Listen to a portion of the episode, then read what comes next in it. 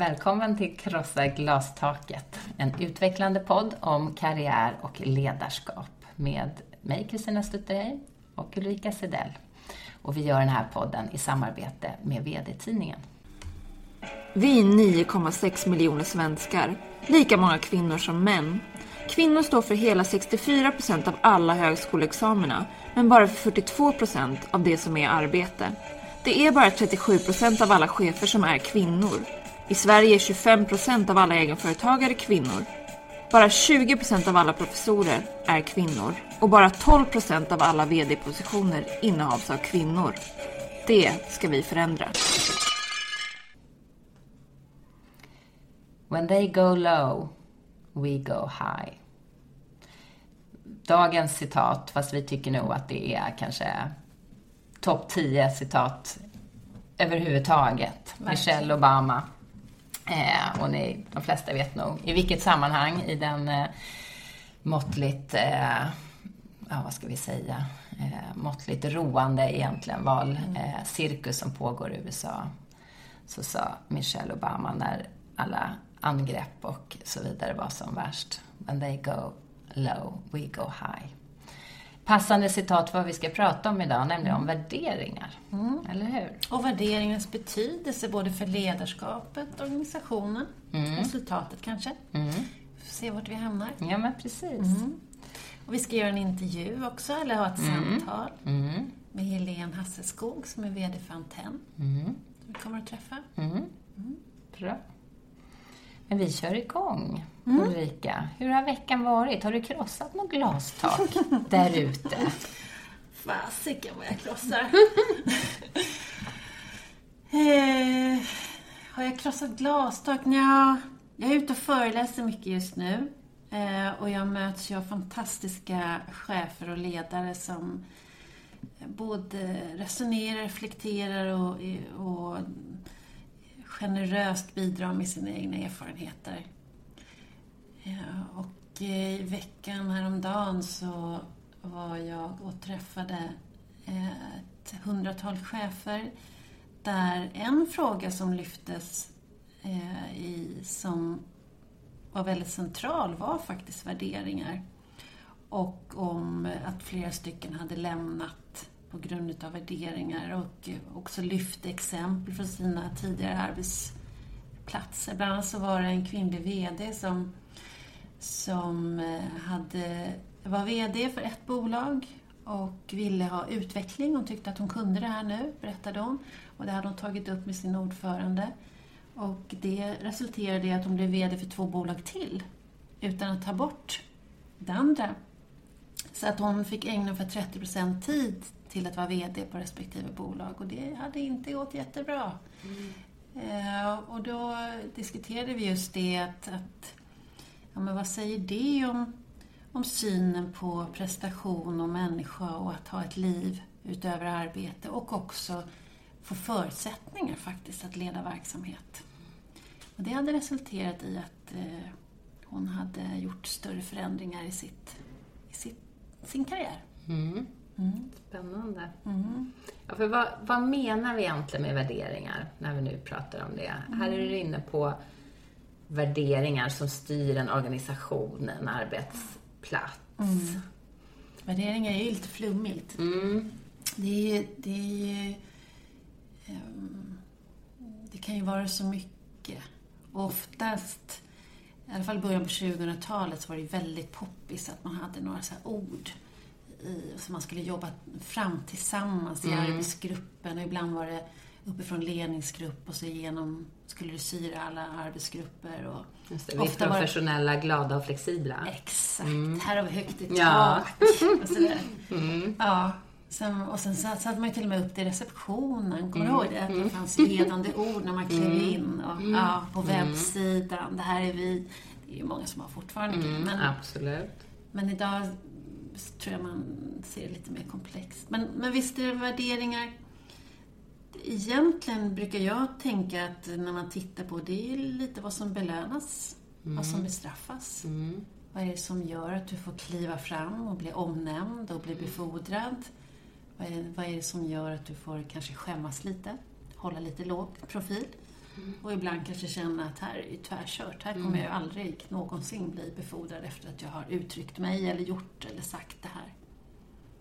Har du varit med om det någon gång? Att du har varit i en verksamhet där värderingarna faktiskt har gått på tvärs mot dina egna? Mm. Ja, det tror jag nog att jag har. Eh, om vi pratar på en liten större, större nivå, eller det, det, du säger lite mer övergripande kring värderingar. För sen kan jag ju verkligen säga att när det gäller mer på personnivå så, så är det väl något man stöts och blöts med eh, ofta. Mm. Så. Men ja, jag jobbade, det här är en bit tillbaka i min karriär, på ett företag. Eh, som hade, det var mycket som var roligt och fantastiskt och jag fick ett stort utrymme och så på många sätt.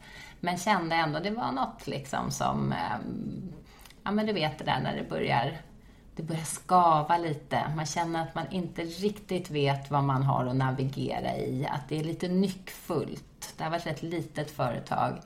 Eh, att det är lite nyckfullt. Eh, man vet inte riktigt vad som väntar en. Mm. Eh, började känna att det gled lite på, vad ska vi säga, eh, på vad som var okej okay och inte okej, okay, hur det här företaget drevs, beslut som togs och som jag då i min tur skulle förmedla till, till anställda och så. Ehm, hur menar du att vad som inte var okej och vad som var okej? Att det som inte hade varit okej tidigare blev plötsligt okej? Ja, men lite så. Men också det där just, jag tror den där osäkerheten mm. eh, som det ofta kan handla om, att man inte riktigt vet vad man har att förhålla sig till. Mm. Men här var det väl också en del regelrätta beslut som, som var jättesvåra att stå upp för. Mm. Eh, och då handlar det inte bara om ska vi se. Och för mig blev det ju det här som vi pratade med Louise om i förra eh, podden egentligen, att välja Eh, och det pratar vi om i den intervjun idag också, men att välja att gå.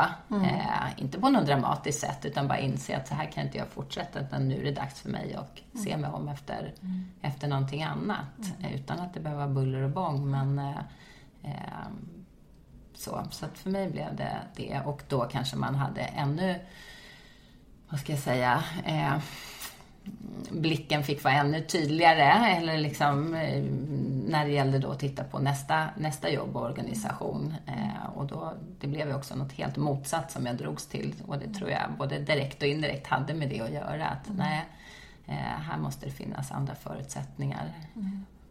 för mig för att jag ska kunna verka. Så att, ja, absolut. Så det var det ja. som låg till grund för ja, men det att var du det. valde att lämna? Absolut, mm. absolut. Mm. Eh, så var det. Kunde inte stå upp för det här. Eh, så så var det. Och det stämmer ju överens med lite studier också som jag har tittat på. Kan det vara så? Mm. Berätta Ulrika, du som är så bra på det här med att hitta statistik och grejer. Berätta. Eh, nej, först tänkte jag berätta lite om en undersökning. Det är egentligen ingen studie, utan det är en undersökning som bland annat eh, Careers Future gjorde för ett par år sedan tillsammans med någon som jag inte kommer ihåg nu. Men den heter Stjärnkraft om man mm. vill googla på det. Stjärnkraft, en studie om kvinnliga ledare. Och där har man gjort en ganska stor enkätstudie. Det är 2000 chefer på högre nivå som är kvinnor och det är 200 män på högre nivå som, som eh, är chefer som har svarat på enkäten.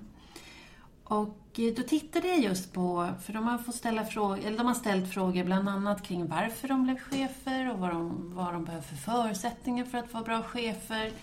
Och eh, sin karriär och ledarskap. Eh, och i den här undersökningen då så uppger 89 procent av kvinnorna, det vill säga nästan allihopa, att eh, de har valt att bli chefer för att de vill påverka och förändra Eh, och att de vill driva, de vill göra skillnad. Det kan vara i resultat, det kan vara i världen, men att kunna verkligen göra avtryck är skälet till att de har valt, chef, valt att bli chefer. Alltså inte lönen eller, eller funktion, alltså titeln eller varumärket som har legat högst, utan att få göra skillnad. 86 procent, det vill säga också nästan allihopa, säger att de vill eh, bidra till visionen och värderingarna i verksamheten. Det vill säga, de vill ha inflytande på helheten när det gäller de stora frågorna för att bli chefer. Och det här tycker jag är intressant, eh, för det är också så, precis som du nu har berättat, så 66 procent av de som svarar anger att de ratar arbetsplatser på grund av värderingarna när de söker ny, eh, nya eh, arbetsgivare. Och, någonting som, och då har jag också funderat lite kring ja, men hur, hur blir de där värderingarna synliga? Eh, hur, hur syns de utåt? För det är ju inte så väldigt enkelt. Vi har nog alla varit med om att vi har fått en berättelse under rekryteringen. Eh, och när vi väl är på plats så ser vi någonting annat. Men i alla fall, jag tittade lite på det här med att eh, eh, vilka värderingar som kan bli synliga. Och då fick jag syn på att man nu mera i vissa bolag, till och med åtta bolag faktiskt, erbjuder kvinnor som löneförmån att frysa sina ägg. Skulle, Ja. du, skulle du tacka ja till en sån sak, Kristina? Jag vet, jag bara så här, jag tappade lite, jag tappade lite andan här. Nej, det skulle jag inte. Jag blir, jag blir smått upprörd när jag hör detta. Berätta. Ja, i USA var det faktiskt Facebook eh, och Apple som började med det. Och det berodde på att de hade konstaterat att de hade ungefär 80% 79-80% män anställda. Och de ville möjliggöra för kvinnor att göra karriär. Och man ville också ha kvinnor på bolagen. Och det här tog man raskt efter i Sverige till att få frysa sina ägg. Och det som är bekymmersamt med det här, det tycker inte jag, det är att eh, frysa äggen får ju var och en göra bäst de vill. Eh, utan det är mer, vad, vad säger det om arbetsgivaren? På intervjun ger ja, bilförmån till den ena och frysa ägg till den andra. Ja, nej men precis. Det är det, det är det min upprördhet handlar om. Inte om det fria valet i hur man vill göra i den här situationen. Nej, och jag tänker också att det finns också ett synsätt då att barn och föräldraskap, och i det här fallet väldigt tydligt mammaskap, eh, är ett hinder i, i verksamheten och att man vill få bort det för att möjliggöra att kvinnor också ska kunna bli chefer. Och då började jag titta på, ja, men hur många utav våra chefer har barn då? I Sverige. Och då hade civilekonomerna, de hade undersökt det här. Eh, och eh, eh, organisationen alltså, verksamheten civilekonomerna, som är ett fackförbund för civilekonomer. Eh, och de har då undersökt, det visar sig att män, eh, 40% utav alla män som är chefer har fler än ett barn. Men bara 24% eh, av kvinnor som är chefer eh, har fler än ett barn. Det vill säga två eller fler ungar. Så det är ju uppenbarligen ett hinder att ha flera barn och bli chef. Och det, ju, det känns ju som att det är en, en gammal eh, lösning på ett nytt problem. För tidigare så var ju inte föräldrarollen särskilt relevant i chefskapet. Oftast då var det ju män och det var någon annan som tog hand om barnen så att det gick inte ut över arbetet. Och nu så ska man då försöka göra kvinnans eh, situation likadan. Känns det som att man signalerar med att frysa äggen istället för att titta på hur skapar vi förutsättning att både kunna vara förälder och chef. Just det. Men det är ett sätt att se hur en värdering gestaltas. Eh, Men det, vi har ju sett en hel del sådana olika typer av värderingar. Precis, man kan väl säga att de olika casen duggar in Mm. eh, vecka efter vecka. Det är KI, Riksrevisionen. Mm. Ja, vad hände på de här Ja, ställena? vad Visst hände blir på man de här nyfiken? ställena? Man blir väldigt nyfiken. Och jag menar, det finns väl ingen som säger Panama idag utan att tänka på Nordea. Eh, vad hände i, i Liberalerna? Jag höll på att säga Folkpartiet, men de heter ju Liberalerna nu för tiden. Eh, och Birgitta Olsson och den striden som var för några veckor sedan. Det handlar ju väldigt mycket om värderingar. För någon som står utanför i alla fall såg det ut så. Mm. Eller hur? Verkligen. Men som i KI till exempel. Vad, hände där? Är det, vad är det som ger det här utrymmet och möjligheten till det här totala haveriet mm. som det ju är verkligen en organisation där det blir så påtagligt. Här pratar vi om liv och död. Mm. Eh, när en människa har fått hållas. Fast mycket talar ju för att folk har försökt påpeka lite. Ja, jo, men det har stått en hel del om visselblåsarna ja. och hur de bestraffades och tystades i början och nu ja. har fått en ursäkt och ledning har gått och, och sådär. Ja, jag, jag har ju ingen insyn på något sätt. Men jag tänker, vad händer när det sker regelrätta övertramp, eh, regelbrott? Eh, är det en kultur som gör sig synlig och mm. gestaltas? Är det, är det ett brott mot en kultur mm. som ligger till grund, alltså de, den värdegrund som egentligen finns där? Det, det, är, ju, det, det är ju verkligen så att, en, att, när man pratar om värderingar så är det lätt att tänka goda värderingar. Mm. Men det kan ju också vara väldigt illa i den värderingsgrund mm. som, som finns i verksamheten. Mm. Och som eh, ingen eh, får utrymme för i alla fall att, att eh, visselblåsa eller diskutera. Eller, och det visar väl kanske också på vikten av att diskutera värderingarna. Mm.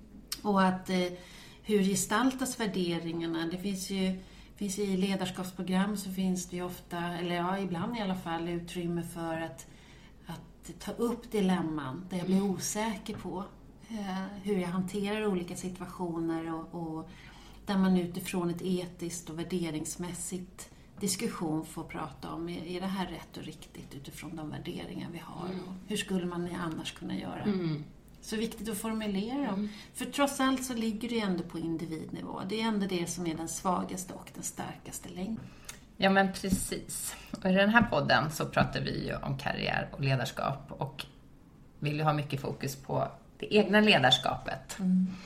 Eh, ska man leda andra så måste man ju ha koll på och kunna leda sig själv. Och då handlar det just om att ha koll på sina värderingar. Något som jag tror många av oss nog tänker och tycker att, att vi har rent instinktivt. Mm. Eh, så. Men eh, man kanske kan behöva fördjupa det mm. eh, för att verkligen utvecklas, utvecklas i sitt ledarskap och ta reda på och formulera de här värderingarna. Så att inte bara ha dem eh, i sig och i sin intuition utan mm. faktiskt sätta det lite bokstavligt talat på pränt skulle jag vilja säga. Mm. Formulera dem för att bli tydligare, eh, för att kunna leda sig själv.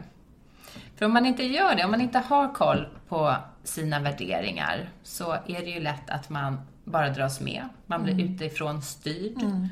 Eh, man lever någon annans värderingar. Eh, och att gestalta någon annans värderingar, att, att lite som jag pratade om det som hände mig mm. tidigare till exempel, blir ju väldigt dränerande. Mm. Eh, man tappar lust, man tappar energi. Mm.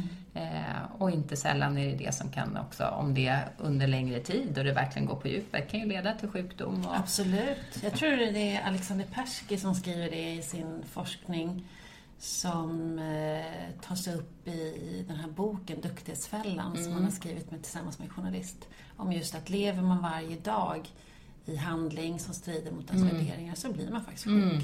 Mm. Så det är jätteviktigt. Ja, verkligen. Och ja, allt det här med värderingarna, det styr de prioriteringar man gör. Eh, hur, man liksom, hur man leder arbetet, hur man leder sina medarbetare. Hur medarbetarna i sin tur i, i det dagliga arbetet gör sina prioriteringar, hur de kommunicerar och så vidare. Och här kan det ju svaja hej vilt mm. om jag som ledare inte är tydlig och eh, eh, väldigt liksom säker i mina, mina, mina värderingar. Mm. Eh, och vi har ju faktiskt träffat någon som mm. eh, verkligen leder genom värderingar. Mm. Helene Hasselskog, mm. VD på Antenn. Och nu flyttar vi oss dit, till mm. Antenns huvudkontor och pratar mer med Helene om detta.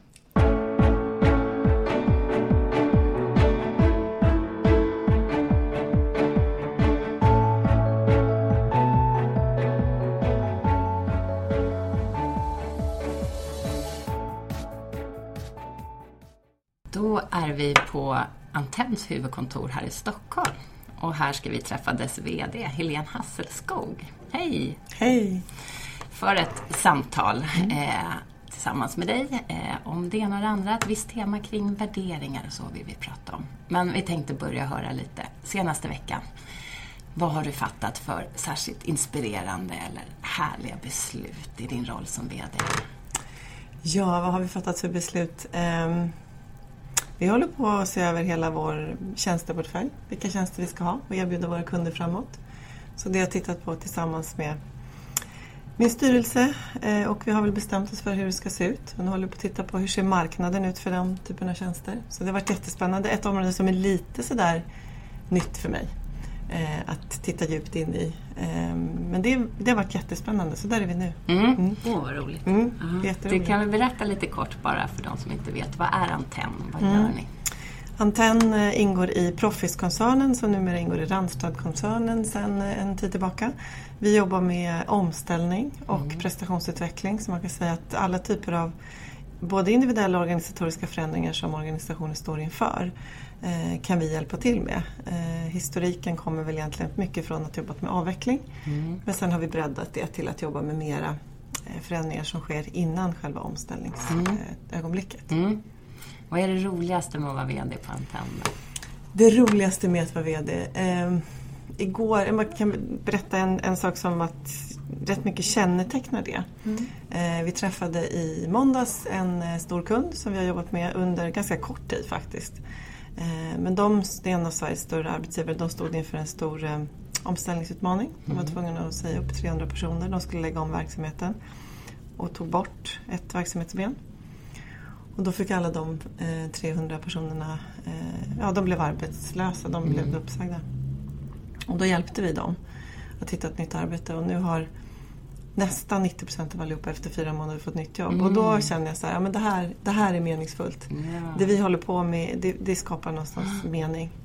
Och värde, verkligen både samhällsvärde och individuellt värde. Ja, men verkligen. Så, mm. och då, då, då blir jag igen påmind om varför jag gör det här. Mm. För då, det, det känns väldigt, väldigt meningsfullt. Mm. mm. Det, det, är liksom den största kicken. Mm. Att, eh, att hjälpa andra människor framåt i sin karriär oavsett vilket håll det går åt. Mm. Eh, det är inte alltid så roligt att bli uppsagd men att man kanske till och med i vissa fall kan göra någonting bra av det utan att därmed tappa respekten för att det är ett svårt besked att bli uppsagd om jobbet. Men, eh, ja, det är det som får mig att liksom verkligen mm. gå upp på morgonen. Mm. Jag tänker när du säger det att, eh, att du ser verkligen att det här gör nytta och att det är viktigt mm. för dig. Du är inte bara VD mm-hmm. för mm. Antenn, du är dessutom initiativtagare och medgrundare till Hungerprojektet. Kan du berätta lite om hur det kommer sig? Varför ägna, har du ägnat tid åt det? Hungerprojektet är en stor organisation som, eh, som är eh, baserad egentligen i USA från början. Mm. Och inom ramen för Hungerprojektet så har vi startat, jag och en, en väninna, ett eh, projekt kan man säga som vi kallar för eh, Det goda nätverket. Och i Det goda nätverket så bestämde vi oss för att vi ville eh, samla ihop en miljon kronor för att hjälpa framförallt kvinnor i Indien. Mm. det var där det började. Det var den här gruppvåldtäkten på den här bussen, mm. kom ihåg Delhi, som var för några år sedan. Mm. Men, men, och anledningen till att vi valde Hungerprojektet och att vi valde att liksom jobba i den formen som vi gjorde var egentligen att eh, det finns eh, väldigt mycket människor på, på vår jord som liksom saknar förutsättningar att, att skapa ett liv som är vettigt och värdigt. Och, eh, om, om, eh, och framförallt kvinnor. Mm. Och eh, kan vi då tänkte jag tillsammans med det nätverket som vi har och hade eh, skapa någonting där andra människor som inte har samma förutsättningar mm. som vi får bättre förutsättningar att skapa ett liv som är, som är bättre än det de har idag. Mm. Så vill jag kunna göra det och det kändes nästan också som att vi var lite, eller jag kan känna mig lite sådär eh, vad ska, vad ska jag använda för ord, men liksom det är lite på, på ett sätt min uppgift. Mm. Eh, att bidra till eh, någon mer, eller några fler än, än bara mig själv och min familj. För någonstans så handlar det om att de förutsättningar som har givits mig. Mm. Man, kan, man kan tänka sig att man kan vara bitter över massa saker som att vi inte jämställer löner i Sverige. Och så här, kan man ju fokusera på det. Eller så kan man tänka sig att vi har ju liksom fötts in i en värld där vi har eh, förutsättningar som är betydligt bättre än väldigt många andra, framförallt medsystrar i världen. Och eh, att vara född på den här platsen på jorden vid den här tidpunkten Eh, det är hundra år sedan vi fick rösträtt i Sverige, det ska man inte glömma bort. Mm. Eh, är liksom väldigt mycket en sweet spot. Mm. Både geografiskt och tidsmässigt. Mm. Och nu råkar jag vara född i den sweet spoten och då känner jag att då vill jag liksom hjälpa andra som inte är födda i samma sweet spot. För det handlar inte om att jag är särskilt framgångsrik, det handlar om att jag har fått förutsättningar som andra kanske inte har. Och hur kan jag hjälpa andra att få samma förutsättningar? Att bidra med det som ja, du har fått. Lite så. Och då, och, och då tänkte jag, vad är mina resurser? Ja, men då tänkte jag, mina resurser det är liksom det är mitt nätverk eh, och det är kanske någon sorts förmåga att få saker att hända. Mm. Och hur kan jag kombinera dem till att hjälpa andra i världen? Och då, då landade jag i, råkade det bli Hungerprojektet mm. därför att jag gillar deras idé om att, att, att stötta kvinnor framförallt att bli mer självständiga. Mm. Det handlar inte om att skicka dit mjöl och, och, och mat kanske utan det handlar mer om att Eh, att de ska bli självständiga i sitt liv. Att de, för det, det tycker jag är att hjälpa människor på riktigt. Mm. Att vilja självständighet. Inte att jag ska, vilja, inte att jag ska hjälpa utan att de ska bli självständiga mm. liksom i nästa steg. Så, ja, det var bakgrunden. Det, ja, det är fantastiskt. Mm. Det, och ni har ju fått priser och, och mm. har verkligen lyckats. Eh, ja, det, men när du säger, du säger med som en fas det här med att bli självständig och hur viktigt det är med egenmakten och så. Mm. Det, har det varit viktigt även för dig? Att få, att vara autonom eller? Ja, jo, och, och, det är nog mera, jag vet inte hur mycket det har varit. Det är väl en kombination av att det är så jag är. Ah. och sen att eh, jag har liksom lite fostrats in i det också. Och, eh, min mamma brukade säga när jag var liten att det kommer passa dig bättre att vara vuxen än att vara barn. och, och, det stämmer nog väldigt väl. Eh, därför att jag, jag gillar liksom att bestämma själv. Mm. Och, och det ehm, Sen det som hände också som jag när mina föräldrar skilde sig när jag var 12 så, så såg jag hur, hur, hur beroende min mamma var av, av min pappa, framförallt ekonomiskt. Och eh, vilken, eh, både liksom, vilket nederlag och vilken skam det var för henne att inte kunna försörja sig själv. Och då, då bestämde jag mig för att det där ska aldrig hända mig. Liksom, det, det får inte hända. Mm. Eh, och jag tror att vi, det finns någonting i det här att vara självständig. Kanske inte känslomässigt utan mera eh, ekonomiskt. Mm. Eh, och, och, när vi kvinnor bestämmer oss för det, då kan vi skapa jämställdhet. Mm. Men så länge som vi håller på och gräver i våra mäns plånböcker brukar jag säga så kommer vi aldrig att bli självständiga. Mm. Där har vi ett eget ansvar för det. Mm. Sen finns det andra saker kring jämställdhet som man också behöver titta på. Men jag tror att det som kan vara vårt bidrag in i jämställdheten är just det. Att ta ett eget ansvar för sin egen försörjning. Mm. Och som också är en del av ditt arbete. Ja, exakt. Ja, att andra ska bli självständiga. Ja, precis. Och då tänker jag att, eh, när jag hör dig så, så äh, tänker jag att du är väldigt värderingsstyrd. Mm. Det är det, det jag hör. Mm. Äh, och jag tänker hur, hur, Om du skulle beskriva dina värderingar som har direkt bäring på ditt ledarskap. Mm. Hur, hur, vilka ord skulle du använda då? Ehm, jag tror att om, till att börja med så är det liksom ganska så tråkiga ord som ansvar och självständighet och så kanske men också liksom väldigt mycket lust eh, och glädje eh, och förutsättningar att skapa. Jag tror väldigt mycket på att det är viktigt att jobba med förutsättningar för att kunna lyckas. Mm. Eh, för att kunna ta ansvar, för att kunna bli självständig, för att känna lust. Liksom. Och, och då, för, för, lust kan man ju också begränsa bort. Mm. Om man, eller ja, man kan jobba på lite olika sätt men den går ju att ta bort och kreativitet går ju också att skapa. Eh, men, men, det handlar om att känna ett ansvar för att jag har någonting att leverera eh, och en, en vilja att göra det. Mm. Eh, och känna lust inför det. Så att, mm. jag, de, mina medarbetare brukar säga att jag är ganska krävande mm. men att det är roligt att jobba för mig. Och, jag, och då blir jag glad för det är så jag mm. vill att det ska vara. Mm. För det ska inte vara någon promenad i parken för mm. då tror jag inte att man liksom då når man inga högre mål. Då blir man en medioker person. Och, och, det är inte min målsättning, liksom, vare sig med mig eller med det, den verksamhet som jag bedriver. Mm. Och just det där apropå verksamhet och verksamhet som du bedriver. Eh, hur ser du på verksamhetens värderingar? Mm. Eh, hur viktigt är det för dig? Det är jätteviktigt. Och eh, nu har jag ju förmånen att jobba i en organisation där liksom, jag, på något sätt hela eh, verksamhetsidén bär upp mina värderingar. Och det är inte alltid man har den möjligheten men, men om man inte har det, om man jobbar mer med liksom vanliga mm. saker så, så är det viktigt för mig att det är ledarskap framförallt, för det är där det kommer till uttryck.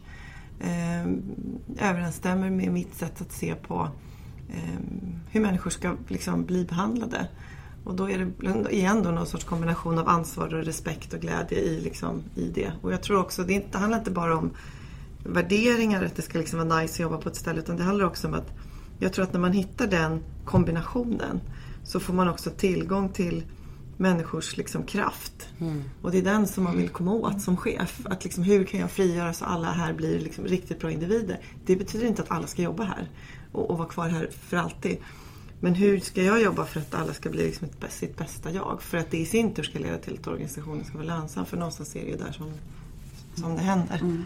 Har du speciella knep för det? Mm. Det, är, det, är, inte lätt. Nej, det är inte lätt. Um, nej, men jag, nej, jag har inga speciella mm. knep. Men jag brukar prata rätt mycket med mina, mina medarbetare om vad är det som driver dig, vad är mm. roligt och mm. när känner du att du är i flow och hur ska vi göra för att du ska bli liksom ditt bästa jag här och hur kan vi skapa förutsättningar för dig och, utan att därmed liksom tulla på det som är mina krav. Men, mm. men man, man, kan ju ha mer eller mindre medvetenhet kring sin egen kreativitet och förmåga och så. Mm. Man, om man kan börja titta på det mm. så tror jag att man som chef kan öppna upp någonting som, som kanske tidigare varit otillgängligt. Mm.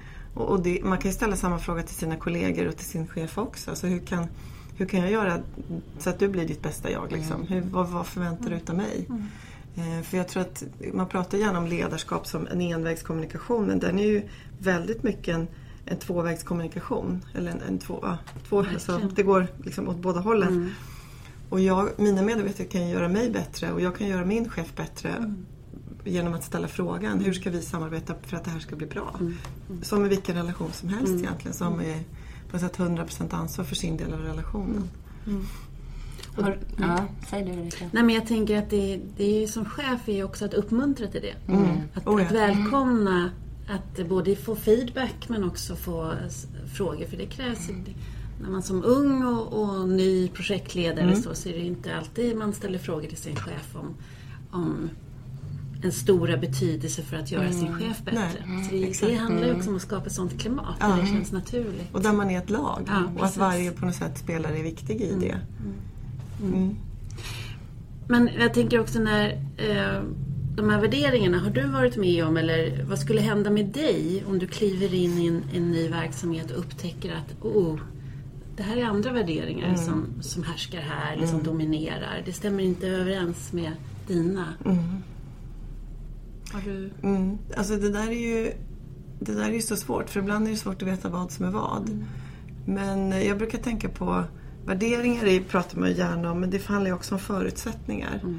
Eh, och jag tror att det är viktigt att man inte kanske blandar ihop dem utan mer tittar på hur, hur ser mina förutsättningar ut här att göra ett bra jobb och hur ser mina värderingar ut? Stämmer de överens med organisationens i övrigt? Och om man känner att, att ens motivation eller prestation eller glädje liksom börjar på något sätt tryta så tror jag man får vara ganska vaksam på det. Eh, och det är inte säkert att man får tag på det direkt liksom, utan mer ha någon sorts reflektion kring frågan. Jag brukar tänka på, jag tror att det var, om det var Pia Sundhage eller vem det var som, som definierade sina fotbollsspelare som olika blommor i en rabatt. Mm. Där några kräver väldigt mycket ljus och några kräver väldigt näringsrik jord och mm. några kräver liksom mm. här, att alla, man har olika behov. Och jag tror att eh, om plötsligt jorden surnar eh, så är det inte säkert att man märker det. Eh, men man får vara vaksam på när det händer. Mm. Eh, det kan ju ta en stund och jag tror att känner man sig själv att nej men, nu känner jag mig liksom begränsad eller jag har tappat lusten eller jag känner mig som att jag är ifrågasatt eller så. Det, så kan det vara över tid, mm. eller så, så, kan det kan ju hända. Liksom. Men om man känner det över längre tid då får man nog börja fundera på om man ska vara kvar. Mm. Om man inte har mandat att förändra. Mm. Liksom. Mm. mm. Har du själv varit i den situationen där, där jorden har surnat ja. och du har behövt ta konsekvenserna av det?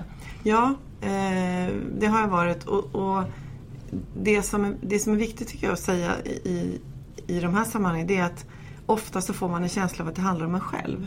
Mm. Eh, att liksom, det är jag som är dålig eller det är jag som är si eller det är jag som är så. Det handlar om, på någonstans om mig men att, att kanske vara lite mindre vad ska jag säga, kvinnlig. För mm. vi har ju gärna liksom lite sådär eh, att vi vänder saker och ting inåt. Att titta utåt, okej, okay, det här känns inget bra, men vad har jag egentligen för förutsättningar? De här värderingarna, passar de egentligen in på mig? Och vända frågan utåt. Det behöver inte vara så att det är det som är svaret på frågan, men jag tror att vi kvinnor kan ha en tendens att börja liksom ifrågasätta oss själva i en sån situation och känna oss ännu mindre och ännu liksom kortare och så. Mm. Ehm, men ehm, ja, dels att liksom titta på frågan liksom över, över, tid. Men också att i så fall flytta på sig om man ser att det här, det här, det här löser, det här reder inte jag ut. M- Med också med sig att det finns jättebra arbetsplatser med jättebra förutsättningar och jättebra värderingar. Så det är inte så att de liksom är utrotade. Utan de blir tvärtom fler och fler. Och det tänker jag som du säger nu är så viktigt. För det är inte... Jag tror också att är man, är man, märker man att man inte får saker och ting gjorda eller man, man känner sig eh, vill lite vinkligt så är det lätt att lägga... Att man börjar kritiskt granska sig själv. Vad, vad gör jag för fel? Men det man också kan se i studier är ju att eh, faktiskt framförallt kvinnor då har en tendens att inordna sig och att anpassa sig och kanske till och med bli någon som de inte vill vara. Att ha ett beteende som inte riktigt själva är dem. Och, och det är ju få saker som man blir så stressad av. är ju när man lever ett, ett värderingar eller ett liv, ett beteende som man faktiskt inte kan stå upp för Exakt. och vara.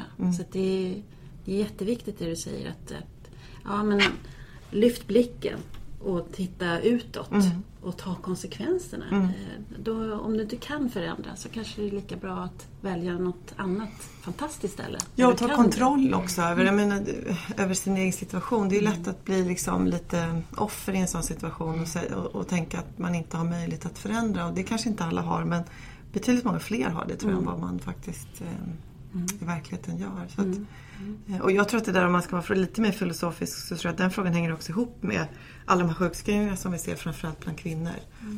Eh, att man, har, man är på fel ställe.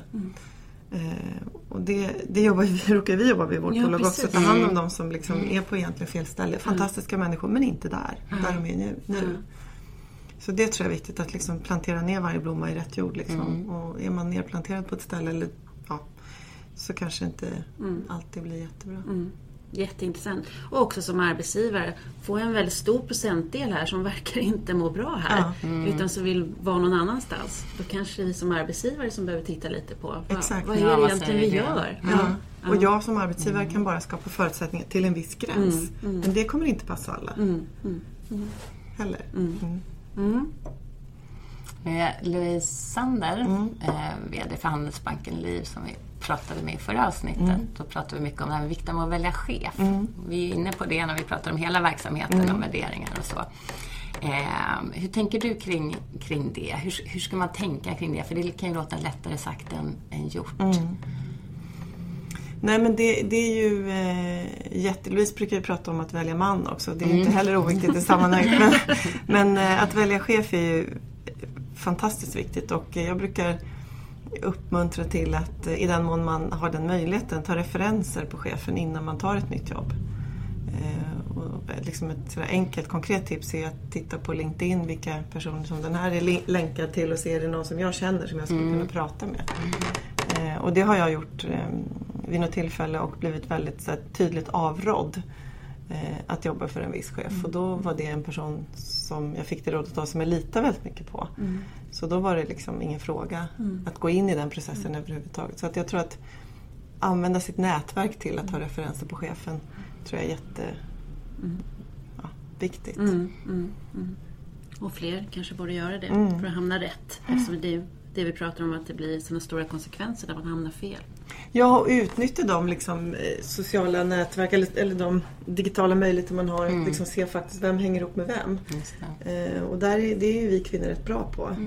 Ehm, och, och, och det tror jag man kan liksom ta ännu längre och liksom försöka gräva, göra research ordentligt på sin gamla chef och se var har han eller hon varit innan. För, ja. Men eh, du säger att, jag tänker på när du beskrev hungerprojektet, att vad är det mina resurser? Jo, jag har ett nätverk, sa du bland annat.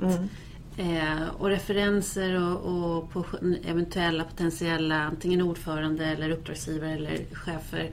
Eh, att använda sitt nätverk. Eh, det låter som att nätverk är viktigt för dig och att du är, det låter också som att du är skicklig på att skapa nätverk. Är det så? Använder du mycket ditt nätverk? Ja, absolut. Jag, och jag tänker att eh, det är på något sätt man har ju, det man har om allting skulle gå helt åt pipan det är ju på något sätt sin familj och sitt nätverk. Eh, och det är ju det viktigaste man har att vårda. Eh, så att jo, sen tycker jag att det är väldigt roligt och det hänger väl ihop med det också. Att, att träffa nya människor och få nya dimensioner på frågor och sådär och kunna kanske få hjälp och bli, och bli hjälpt i liksom olika frågor som gäller ja, både livet och yrkeslivet och så. Men ja, jag tycker att det är väldigt, väldigt roligt. Mm. Det är också ett tips faktiskt. Verkligen. Att använda aktivt sitt nätverk, Mm. tänker jag när jag hör dig. Att använda och att tänka på, tänka igenom, har jag ett nätverk som är välfungerande och stort, det behöver inte alltid vara stort, men att man liksom jobbar lite medvetet med att nätverka, framförallt när man är på, på väg liksom, de första stegen in i karriären och så, tänker jag, så är det jätteviktigt att inte underskatta det.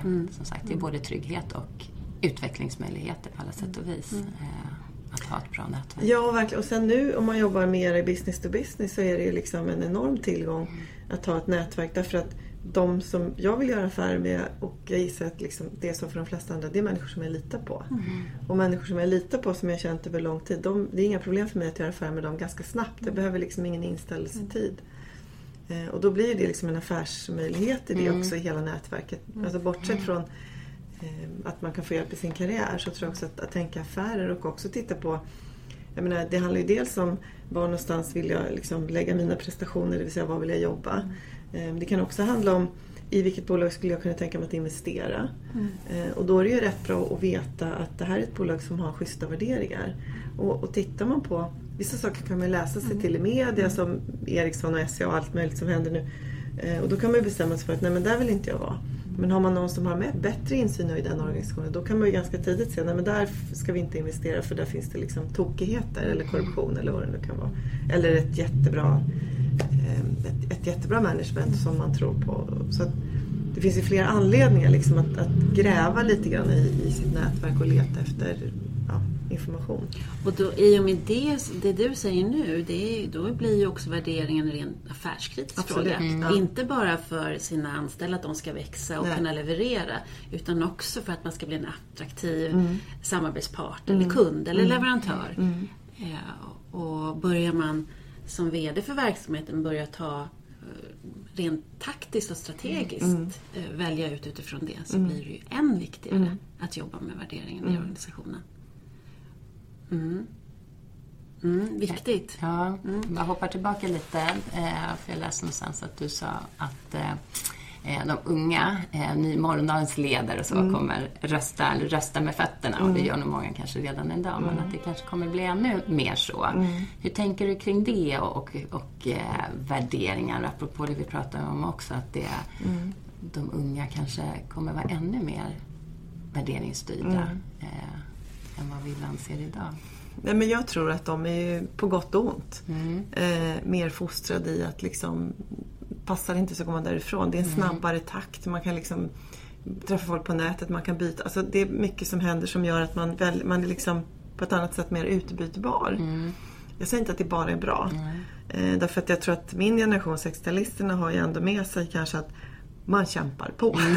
och, man, och man stannar kvar och man reder ut det man har ställt till med. Alltså lite Mm. så. Så att jag tror att någonstans att hitta en kombination av de där värderingarna tror jag skulle vara bra. Eh, för jag tror att det är väldigt mycket värderingarna som styr att man går eller att man stannar kvar. Men jag tror att vi behöver lära oss lite av den generationen. Men jag tror också, med risk för att låta som en gammal tant, att den generationen skulle behöva lära sig lite av oss. Att liksom, ja men ibland så tar det emot. Eh, men det är också då som man har möjlighet att göra skillnad. Eh, och att det inte bara är utförslöpa hela tiden. Liksom. Mm. Så det är både och. Men jag tror absolut att de har mycket, mycket större tendens att, att lämna när det inte passar. Eh, Den här podden handlar ju också om, om karriär och ledarskap och vi har utlovat lite tips eh, och, och idéer kring det. Eh, Om du tittar tillbaka på din karriär och, och du skulle möta upp dig själv som 20-25-åring eh, och det du har lärt dig och det du har gjort. Vad är, vad är det för tips som du skulle ge till den som står inför din eh, yrkesresa? Vi har varit inne på jättemånga av de, de frågorna som jag tycker är viktiga. Ehm, dels att, eh, att välja chef. Jätte, jätteviktigt. För han eller hon kommer, och framförallt som vi var inne på i början på karriären, han eller hon kommer vara helt avgörande för åt vilket håll det ska ta sig. Och också bygga självförtroende. Därför att efter 20 år i karriären så vet man att man grejar Det finns vissa saker man grejar. Men när man bara, har man bara varit ute i tre månader så är man inte lika säker. Så därför blir den personen jätteviktig. Ehm, och välja organisation efter värderingar. Eh, det är inte säkert att man får syn på dem direkt men efter ett tag om man känner sig som du säger vinklippt eller det här ställer jag inte upp så att, att gå vidare. Mm. Eh, men sen tror jag också det som jag nog hade kunnat säga till mig själv då. Eh, det är liksom, men ha kul. Mm. Alltså det är bara ett jobb. Mm. Och det är inte på liv och död. Mm. För, det kan jag väl tycka nu att den här arbetsglädjen och den här lusten liksom, är mycket, mycket större nu än vad den var för 20 år sedan. Mm. För då var det så här, nu ska vi göra karriär. Liksom. Mm. Jag ska bli HR-chef. För det var mitt mål då. Eh, men ah, liksom, ja, det är bara ett jobb. Lite så. Ja. Ta det lite mer klack. Ta det lite mm. mer piano liksom. Mm. Ja, ja, men då ska vi runda av. Det tycker jag var ett fantastiskt sätt att runda av på. Mm. Verkligen, så det mm. gör vi. Mm. Och... Vi tar det på djupaste allvar. Ja, precis. Vi tar det på djupaste allvar. Att ta det mer lättsamt. Ja. Verkligen. Så stort tack, Helene. Tack själva. Tack för din tid. Tack. tack. Efter att ha varit hos Helene på mm. Antenns huvudkontor här i Stockholm och nu är vi på Södermalm mm. hos Ulrika, vid Ulrikas köksbord. Så att om ni tycker att ljudet varierar lite så har det sin naturliga förklaring, eller hur? Ja, vi kämpar med tekniken, men det går framåt. Det går framåt, eller hur? Det här är ju bara avsnitt två. Vi får ha tålamod. Eh, vi tänkte att det var dags för lite tips och råd kring mm. detta med värderingar som mm. vi har pratat om med lite olika infallsvinklar. Och hur kan jag nu eh, titta på det här lite närmare när det gäller mig själv mm. eh, i min roll som ledare. Så vi tänkte presentera en modell mm. som man kan använda sig av. Mm. Inte komplicerat på något sätt. Eh, men om man ändå tycker att det är lite komplicerat så kommer vi lägga ut på eh, vår Facebook-sida mm. eh, lite hur, hur den kan se ut som modell på ett papper som man kan jobba med. Men Enkelt uttryckt är det förstås att börja med att titta på vilka är nu mina grundläggande värderingar? Vad är det som styr mig allra mest? Mm. Vad är det där som är nästintill kompromisslöst för mig för att jag ska eh, kunna verka eh, och göra mitt bästa och trivas och må, må, bra. Vi har pratat om att vad som händer om det inte är så, när det blir tvärtom. Så är mina grundläggande värderingar. Och då är det ju spännande att ta det lite vidare och också tänka på vad är då, jag gillar det här uttrycket lite, vad är då allergierna? Vad är motsatsen? Om det här är viktigt för mig, vad är verkligen motsatsen till det här som en del att använda när man tittar på organisationer eller kulturer och mm. så vidare. Mm. Vad är min allergi? Eh, och utifrån den här värderingen som man har listat och börjat titta på, så är det också att se vad är då min fallgrop kring den här värderingen? När jag möter mina allergier då? Precis. Mm, eller och det, hur de gestaltas. Ja, mm. precis. Och antingen i, liksom i form av en hel organisation eller det som vi ändå dagligdags kanske de flesta av oss råkar ut för, att vi möter människor, eh, medarbetare, eh, kollegor, vad det nu kan vara. Eller som tonårsmamma. Eller som tonårsmamma. Också. Just det, jag förstår, jag förstår. Eh, vad, eh, vad är fallgroparna mm. eh, när jag praktiserar mina värderingar och lever efter mina värderingar? Eh, och när man tittar på de här fallgroparna, att då också titta på vad, hur kan jag jobba kompenserande och balanserande? Mm. För jag vill förstås vara fast och tydlig i mina värderingar. Det kanske de här vi träffar vill vara också, fast här blir det en krock.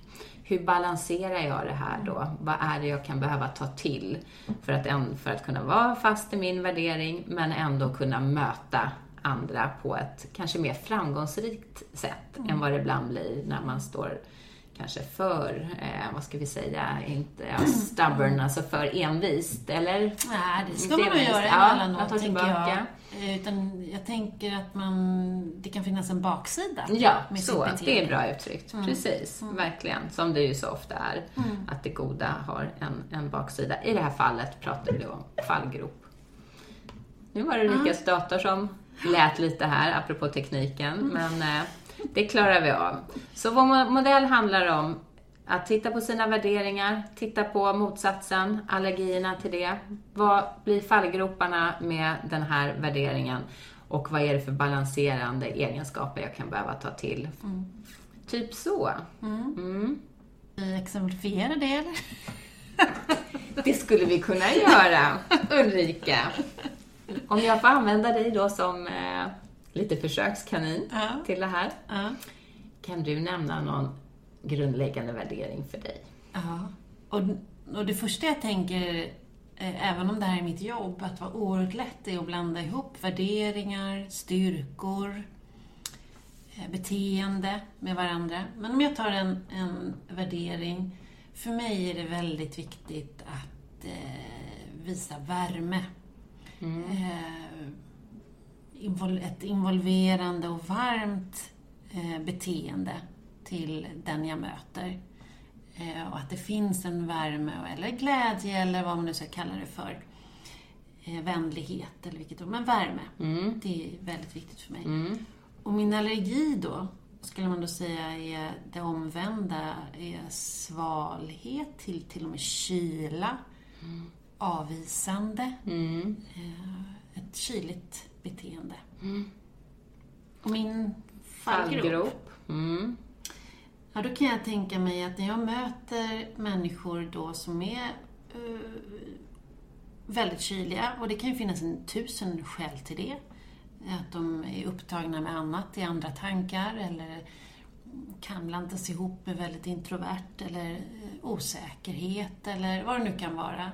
Men att där jag upplever kyla, så kan nog min fallgrop vara att jag själv blir lite avståndstagande, att jag kanske lutar mig tillbaka och blir lite osäker eh, kring vad, vad det är som pågår eller vad som sker i det här Mm. eh, mötet. Mm. Och vad behöver du tänka på då för att balansera detta? Ja, det är ju att vara medveten om om jag blir kylig tillbaka, eller avvisande, eller tillbakalutad, eller väldigt tyst. Eller att dels handlar det om att, att, att jag blir medveten om den förändring som sker i mitt beteende. Eh, Men också jobba emot den. Att oavsett om den här personen är eh, faktiskt med, jag känner kyla gentemot mig så kan det ju faktiskt också vara, det låter ju väldigt konstigt. Det låter jättekonstigt. Men, eller att det är helt andra skäl som gör att jag känner den här kylan. Mm. Att faktiskt inte låta mig styras utav den, utan stå fast vid det som jag tycker är viktigt. Att visa värme, att bjuda in till samtalet, att involvera, att lyssna eh, på den här personen och, och göra vad jag kan för att försöka få den här att bli eh, komma loss lite i sin energi eller värme. Tänker jag. Bra. Och jag tänker precis som du sa, att det här med eh, vad är värdering, vad är eh, styrkor och egenskaper och så, att det här ibland kan vara lite, lite luddigt. Men den här modellen som ni nu har fått och som ni kan se då som sagt mer på vår Facebook-sida, den funkar på alla de här delarna. Jag, kan, eh, jag känner till till och med ett gift par som använder den här. För de är så tydliga, de vet att de är varandras allergier. Det är I- helt i vissa fantastiskt. delar i vissa delar. De är, precis. Men, nej, men här har vi ju yin och yang som funkar jättebra. Men de Mm. har verkligen använt den här, eh, vilket är jättespännande. Så att man kan Verkligen. använda den eh, ner på också styrkor och, och svagheter eller egenskaper. Men just nu så har vi pratat om Blev det lite värderingar. Ja, också? men visst. Men man kan använda den eh, som chef och ledare att också gå ner till Mm. Verkligen. Mm. styrkor och, och svagheter och så som eh, inte bara är värderingar. Så det här är en universalmodell Den när är man jättebra. vill eh, helt enkelt komma lite djupare, Mm. lära känna sig själv lite mer och eh, också ta steget vidare framförallt att se vad, vad, vad händer när jag möter andra. Bra. Mm. Ja, så vi kanske rundar av nu helt Mm. enkelt och tackar för idag. Ja, för den här gången. Ja. Och så, fortfarande är det så att vi eh, eh, gjorde en liten miss tidigare. Vi lovade ju att komma med karriärstips Ja. till de som hade mejlat in Mm. på karriär eh, krossaglastaket.se. Men mejladressen eh, var inte helt intakt, det är den nu. Så nu går det att eh, skriva in till karriär krossaglastaket.se. Och vi kommer att eh, ge svar. Eh, eller reflektera kring Ja. den utmaning som du tar upp när du har mejlat hit. Så vi ser jättemycket fram emot Mm. Verkligen. Men då avslutar vi. Och vi ska avsluta med ett citat. Ja, det är ett citat som vi faktiskt började med. Eh, som är fantastiskt och om vi var fler som hade det här förhållningssättet så skulle både eh, det dagliga ledarskapet bli kanske enklare och bättre men också hela världen. When they go low, we go high. Michelle Obama 2016.